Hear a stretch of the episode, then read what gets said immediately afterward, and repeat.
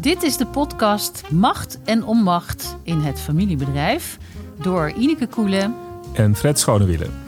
Een productie van Pro Companion voor het familiebedrijf. Vandaag gaat onze podcast over balancing interests. We hebben in deze podcast Macht en Onmacht in het familiebedrijf al vaak laten zien, laten horen. Waarom de verschillende belangen van verschillende familieleden in het bedrijf gebalanceerd moeten worden. En de vraag die we natuurlijk heel vaak krijgen is: hoe doe je dat dan? Dat balanceren van al die belangen. Daar uh, wil ik heel graag Fred het woord over geven, want die heeft daar een hele mooie uitleg voor hoe we dat precies doen. Een hele mooie uitleg. Ja, misschien moeten we het eerst heel even kort hebben over wat belangen precies zijn. Want dat klinkt al heel snel als financiële belangen of wat dan ook. En ik denk dat wij onder belangen uh, verstaan. Het gaat om, om behoeften, om wensen, uh, om zorgen ook. Hè? Dat is de andere kant van de medaille. Dus wat Amerikanen heel mooi zeggen, needs and concerns. Dat het daarop gefocust moet worden. Wil je die belangen, dat is verzamelbegrip, in evenwicht krijgen. En ja, hoe je dat doet, dat is natuurlijk primair door een goed gesprek te faciliteren. Daar begint alles mee. Goede communicatie, een goed gesprek. En daar heb je weer een veilige setting voor nodig. Hè? Want macht en onmacht, dat, dat zijn geen harde begrippen die je wiskundig vast kunt stellen. Die worden ervaren. Hè? Dus dat zit, zoals ik dat zou noemen, op de onderstroom. Hè? Je hebt een bovenstroom van feiten en juridische dingen. Uh, contracten, statuten, familiestatuten gaan we door. En je hebt een onderstroom. En daar zitten de emoties. En, uh, en die zijn, nou, dat zijn, zijn mijn leermeester Hoefnagels altijd. Emoties zijn ongeleide projectielen. Die komen op en die knallen eruit. En hij zei: Het is dan zaak. Druk. Ja, het is dan zaak dat je daar uh, je ratio over laat reflecteren. Dus als mensen in, echt in emoties zitten, sturen ze vooral naar huis. Dan kunnen ze thuis die reflectie met hun ratio gaan doen. En dan komen ze terug. Dat zei hij heel mooi met gevoelens. Ja. En gevoelens zijn emoties waar de ratio mee in aanraking is gekomen. Ja, dat is en dan kan je erover praten, zei hij. Hè? En over emoties valt niet te praten. Nou, dat is denk ik heel erg waar. En hoe krijg je nou zo'n veilige setting? Nou, ik noem dat mediation, maar ik weet dat mediation allerlei, uh, uh, ook allerlei associaties gelijk weer oproept. Vooral met conflict. Mm -hmm. Dat hoeft in mijn beleving helemaal niet zo te zijn. Ik, ik zie mediation gewoon heel uh, rudimentair als het vo kunnen voeren van een goed gesprek in een veilige setting.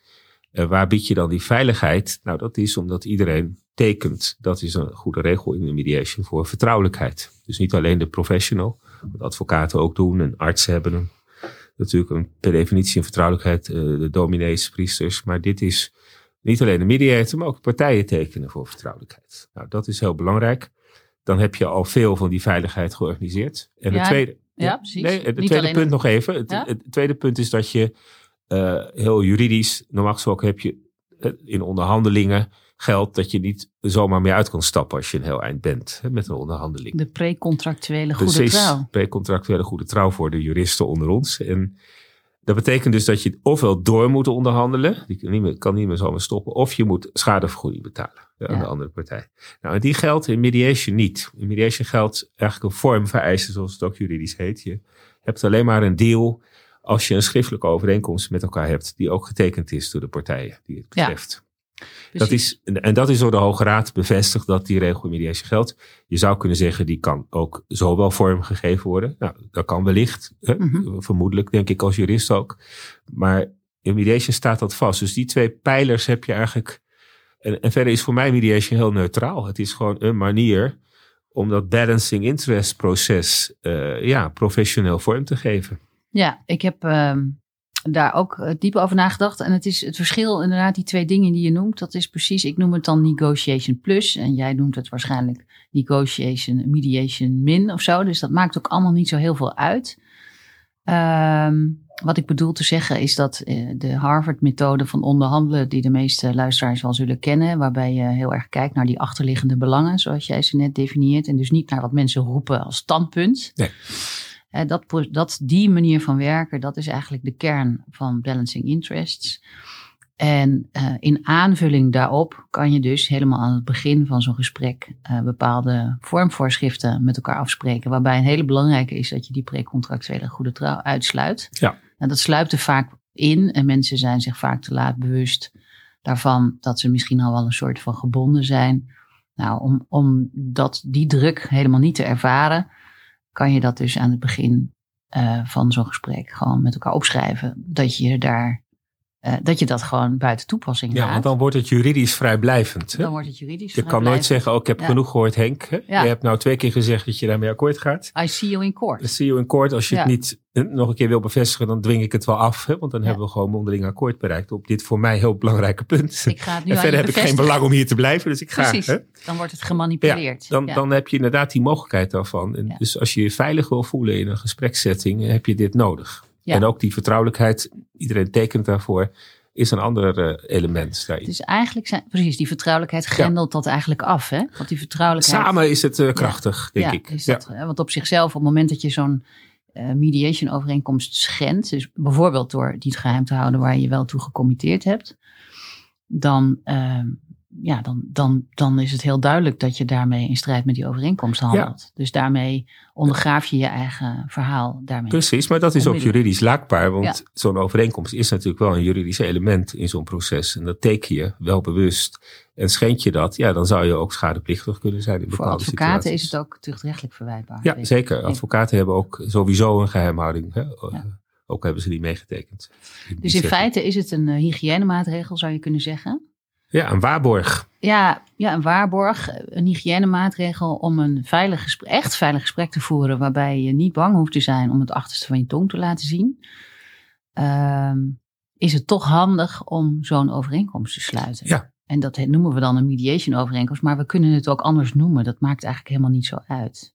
Het gaat erom dat je die veilige. Het gaat om die veiligheid. En ja, ik noem dat mediation omdat ik mediation als een neutraal iets zie. Ja, Ik, ik associeer dat niet per definitie met conflicten. Nou, maar daar moet je wel bij zeggen, Fred. En ik zeg dat even tegen de luisteraars. ehm, ehm, want jij weet dat, wij weten dat van elkaar heel goed. Maar dat jij, denk ik, daar niet ehm, gemiddeld in bent. Eh, de reden dat ik voorzichtig ben met het woord mediation is dat heel veel mensen mediation in Nederland associëren met een vorm van mediation die eh, van oudsher werd gedoseerd in Nederland. Ik noem dat altijd de handjes op de rug methode. Ja. Hè, waarbij mediators vooral heel passief zijn en anderen het laten oplossen, terwijl die anderen dat wellicht helemaal niet kunnen. En ehm, ik weet dat jij, jij doseert mediation, je bent eh, daar heel vooruitstrevend in en ook heel internationaal geschoold. Veel in Amerika, aan de Amerikaanse universiteiten, waar mediation een veel breder begrip is dan, dan die ouderwetse eh faciliterende methode in Nederland. Dus, dus ik begrijp dat het voor jou een neutraal begrip is, maar dat is het nog niet voor iedereen. Nee, precies. Er is een ander aspect nog wat je. Het wordt, in mijn beleving hoeft dat niet met conflicten geassocieerd te worden. Het is veel beter om mediation in te zetten als er helemaal geen conflicten zijn. Maar dat je misschien wat ongemakkelijk voelt bij je broer in het familiebedrijf. Of dat je denkt van ja, mijn vader die zit wel erg veel machten uit te oefenen voor mijn gevoel. Laten we het daar gewoon eens over hebben. Dus Ja. dan is er nog in wezen alleen maar iets van irritatie, ergernis, frustratie. Dan ben je wel op pad naar een conflict, hè, volgens de gangbare definities. Dan zou je zelfs al een- iets van een eenzijdig conflict met je vader of je broer kunnen hebben. Maar je bent nog niet in de escalatie heel ver. Nee. Dus hoe eerder je een goed gesprek voert, in mijn eh, definitie van een goed gesprek, Ja. hoe beter. Maar er is toch wel één ander element van veiligheid. Ehm, veiligheid is natuurlijk ook dat je in het gesprek dan ook uit kan praten. En dat je ook luistert hè, naar de andere partij. Ehm, en, ehm, en dat je niet eh, elkaar gaat zitten uitschelden of beschuldigen of verwijten maken in één stuk door. Dus het, het vergt nog wel iets meer om een goed gesprek vorm te geven. Tuurlijk, Voor de procesbegeleider, de mediator. Ehm, die, die kan met allerlei methoden werken daarvoor. Dat Ja. moet ook niet te schools worden. Maar er zitten nog wel even een paar dingetjes dat, dat mensen niet gaan denken: oh, als je maar iets tekent voor vertrouwelijkheid, dan heb je per definitie Nee, een goed nee, gesprek. nee, vergt nog een paar dingen meer. Balancing en interest Ja. vraagt natuurlijk een, een, een, een bepaalde skill set, zou je kunnen zeggen. Met een Precies. heel lelijk Nederlands woord. Eh, dat je weet hoe je, eh, hoe je mensen op een constructieve manier kan laten, eh, nou ja, in die veilige Ja. setting met elkaar kan laten praten. En als dat niet gebeurt, dat je daar ook op interveneert. En Dat is het. Ja. Dat is juist, denk ik, een van de grote dingen. Ja. Ehm, ik geloof dat jij het was of iemand anders. ehm, in jouw opleiding die mij heeft gezegd, en dat vond ik eigenlijk de mooiste kreet, dat een goede mediator die beschikt over een, een veelheid, een schat aan perspectieven, die die op elk moment tevoorschijn Ja. kan toveren. Dus dat, dus die, die veelheid aan perspectieven, het is dus eigenlijk iets heel creatiefs. Want je weet namelijk niet van tevoren Nee. hoe een familie met elkaar Helemaal niet. Nee, niet, Nee. dat weet je niet. En, je- en, en, en het is dus ook niet één methode, zeker niet. Het- Er zijn heel veel methodes. En, en eh, als je dat goed wil doen, dan moet je dus je ook vooral niet te veel laten leiden door een methode. Maar jij noemt dat de eclectische methode. Ja. Misschien is het goed je- Jawel, maar je moet, je moet natuurlijk ook niet maar wat doen op, op gevoel. Dat je denkt, nou, dit voelt wel goed vandaag, laat ik dat eens doen. Hè? Dat kan je op een gegeven moment, als je dit vaker gedaan hebt, heel lang. Ja. Ik heb, doe het nou twintig jaar. Dan kan je veel meer op je intuïtie vertrouwen. Ja. Maar dan is dat bijna geborgd hè, in de ervaring en de kennis die je hebt opgedaan.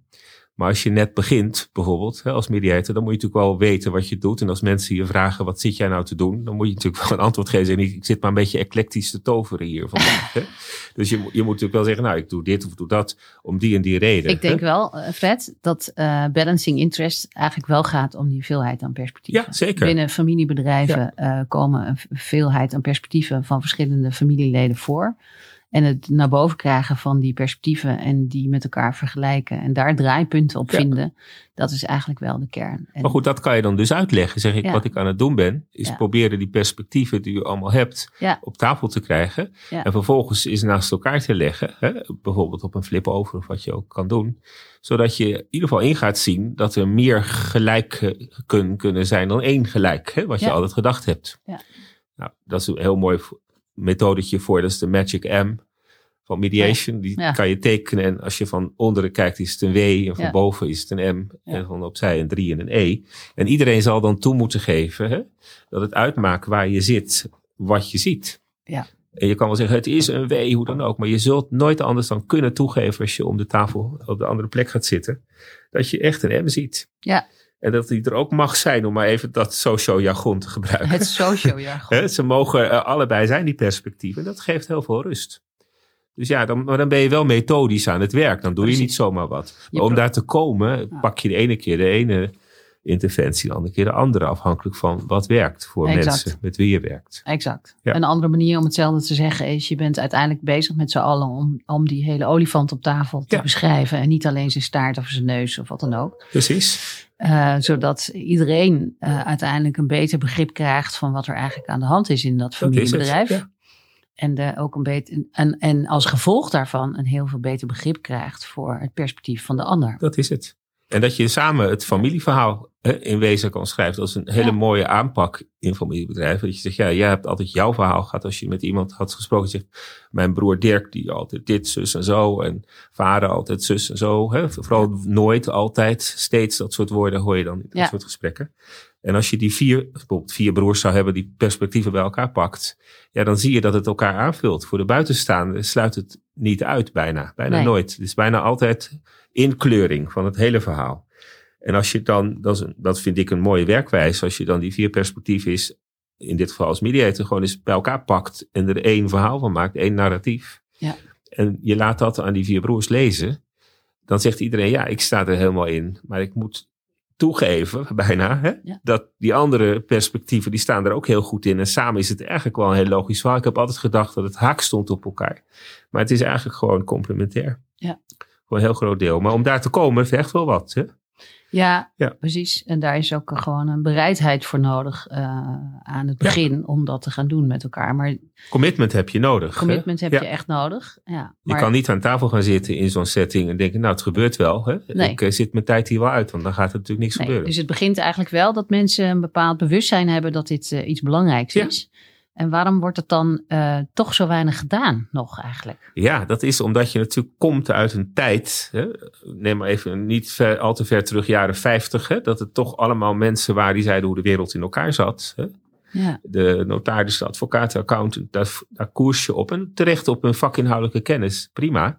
Maar die pakken niet dit domein mee. En daar zit voor heel veel familiebedrijven, eh, dat weet je ook uit Ja. al, die internationale onderzoeken waar je ook eh, over spreekt en publiceert. Elke keer blijkt weer dat men behoefte heeft aan communicatie, aan begeleiding, aan, aan een bepaalde zorg, aan een proces. En niet zozeer aan uh, juridische, fiscale en andere kennis. Nee. Die moet er ook zijn. Dat moet allemaal goed geregeld zijn. Governance, de hele handel. Komt pas Maar op het eind. Ja. Het fundament zit hem, wat ik de onderstroom noem. Hè? Ja. Waar de emoties dus zitten. Ja. Waar allerlei percep- perc- percepties en perspectieven zitten die niet geverifieerd worden. Dus ja, je moet jezelf als familiebedrijf volkomen logisch een lol doen. Hè? Door dit van tijd tot tijd, dit soort gesprekken te voeren. Ja. Want dan voorkom je hè, dat je in het Financieel Dagblad komt te staan. Zoals eh, familie Venteren van Vlissingen een tijdje geleden. Onlangs. Hè? Ja. En, en andere families. Ja, dan komt alle vuile was buiten. Maar dat is omdat die nooit tijdig in de wasmachine is gestopt, die vuile was. Nee, Hè? exact. In wezen Eh, is het een wasmachine voor vuile was. In feite is het de wasmachine. Eh, Ja. Ik noem dat altijd de cultuur van dominantie en eh, privacy en belastingoptimalisatie viert nog steeds hoogtijd. Terwijl het eigenlijk zou moeten gaan om een Ja. cultuur van vertrou- vertrouwen, Vertrouwen. transparantie. Ja. En eh, ja, dat gebeurt dan heel weinig. En uiteindelijk word, kom je dan toch weer in een soort toernooimodel tegenover elkaar. En toch je gelijk willen halen. En dan sta Ja. je bij de ondernemingskamer. Ja. Maar die kan dat ook vaak niet oplossen. Dus Oh die, nee, die zetten onderzoekers op of wat dan ook. Ja. Ja, dus dat is eigenlijk armoede. Hè?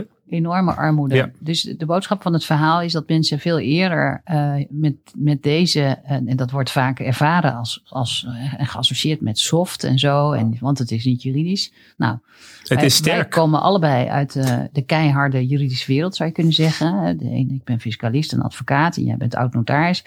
En toch zijn wij ervan overtuigd dat de basis eh, juist ligt in die Ja. communicatie en, en in eh, ook het plezier wat je met elkaar kan hebben. En dit is dus in, in vele opzichten niet alleen eh, ook een, eh, bij- draagt dit bij aan het welzijn van de familie en het familiebedrijf. Want Absoluut.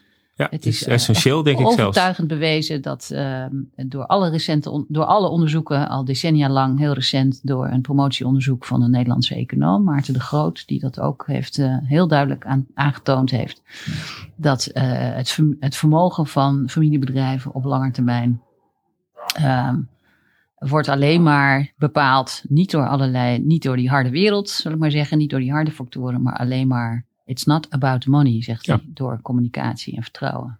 Ja, communicatie zijn allemaal hele Ja. brede begrippen. Dat hè? klinkt vaag, maar dat is het Maar natuurlijk dat je helemaal niet. echt naar elkaar luistert en je echt gehoord en begrepen voelt. Ja. Dat is in wezen iets verdergaande vorm van definitie van communicatie. Ja, en we gaan niet de podcast van het familiestatuut hierover doen, Nee. want daar hebben we al eentje over gehouden. Je, je, je ziet wel dat mensen proberen in de context van het familiestatuut dit soort gesprekken te voeren. Eh, wat vind je daarvan? nou, dat zou mooi zijn, maar dan moet dat Ja. begeleid worden door iemand die ook daarop kan sturen. Ja, En die dat familiestatuut denkt, nou prima, hè, dat is ook 10% van de hele werkelijkheid wat we hier aan het doen zijn. En dat komt er wel uit straks. En dat wordt dan wel of niet getekend, dat maakt er eigenlijk niet eens zo heel veel uit. Als alle thema's maar aan de orde zijn gekomen die voor die familie van belang zijn. En Ja. iedereen zich gehoord en gezien voelt. En er samen weer een weg gevonden wordt. Of gewoon dezelfde weg bewandeld blijft worden als Kijk, er geen conflicten zijn. precies. Want families hebben eigenlijk een soort agenda nodig om dit te gaan doen. En het woord familiestatuut is wel redelijk ingeburgerd inmiddels. Dus we, we zouden eigenlijk eh, moeten zeggen dat een als mensen nadenken over een familiestatuut, dan zouden ze eigenlijk moeten beginnen met balancing interests. Absoluut.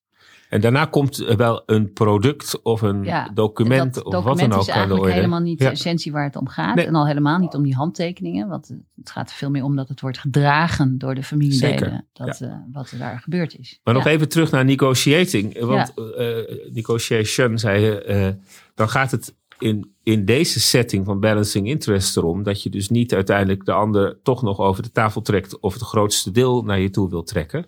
Maar dat je in wezen dat mooie christelijke principe van, hè, van delen is vermenigvuldigen toepast. En dat je daarmee meerwaarde creëert. Hè? En Ja. Dat is in jouw definitie denk ik centraal. En dat is in ieder geval bij Harvard centraal. Ja. En dat is in mijn definitie van mediation, waar negotiation altijd een belangrijk onderdeel eh, is. Hè, tenzij het alleen maar gaat over onderlinge verhoudingen en transformatie, waar we net veel over gesproken hebben.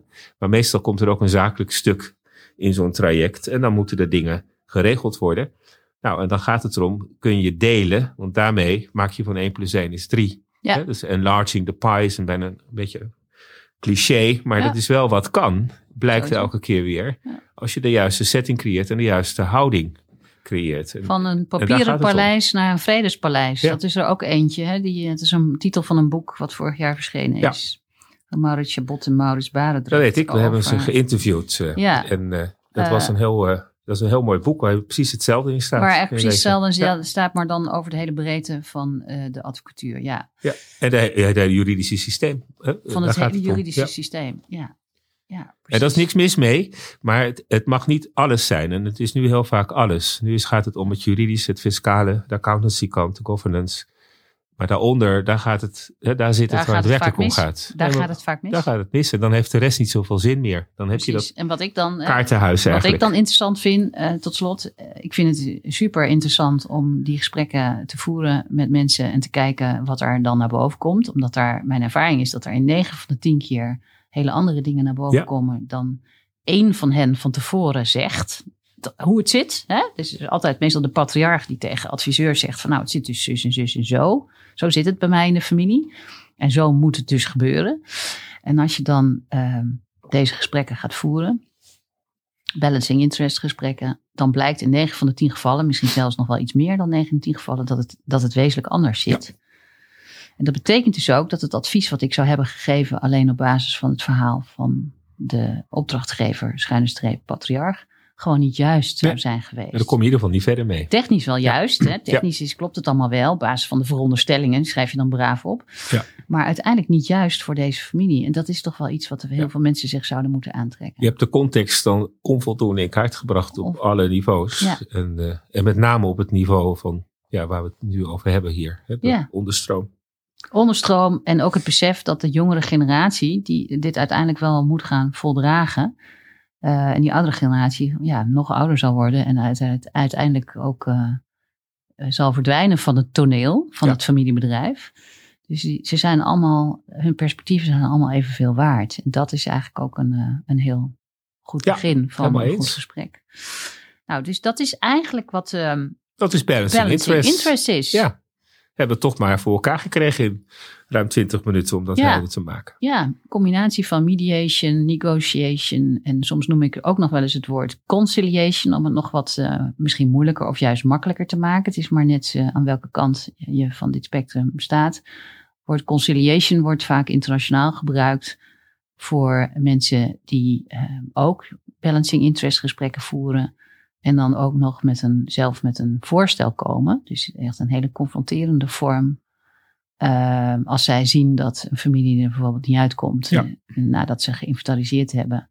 Hoe al die interests liggen op tafel. Kunnen ze vaak wel zien eh, wat een goed idee zou kunnen zijn voor deze familie. En dan zelf met een.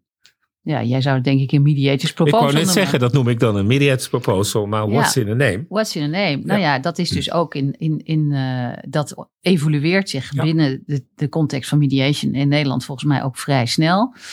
Eh, in, in andere landen is dat denk ik al, al veel langer zo. En misschien dat ze er daarom een andere naam voor hebben verzonnen. Dat weet ik niet precies. Maar ik vind dat ook een mooie term. Ja, mediation blijft altijd natuurlijk faciliterend in de kern. Je faciliteert een proces, maar daar, dat is alleen maar het begin. En daar, ja, daar moet ook gestuurd worden op het proces. Er moet actief eh, opgetreden worden door de Ja. mediator.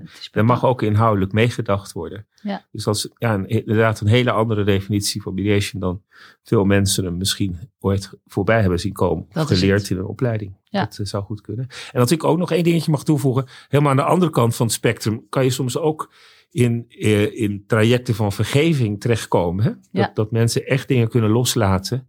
Eh, waar ze als een enorme bitterheid of wrok over gehad hebben. Ja, dat is Eh, inderdaad een goeie. En, eh, en dat kan ook alle obstakels weghalen. Ja. En dat doen ze dan vooral voor zichzelf. Hè? Want vergeving heeft Mandela ons ook al uitgelegd.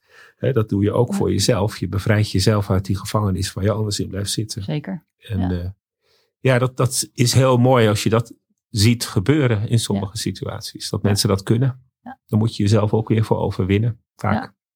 Daar kan je ze ook bij helpen. Daar kan je ze ook bij helpen. Zo, zo breed is het spectrum van Ja. balancing interest. Dat is heel mooi. Ja. Nou, dat ruimt natuurlijk enorm op en dat staat ook vaak in de weg tussen familieleden.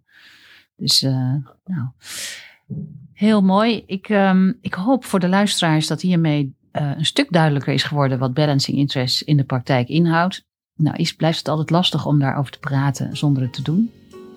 Dus eh, als er vragen over zijn, benader ons gerust. Dat is eigenlijk de beste manier om het in de praktijk te testen.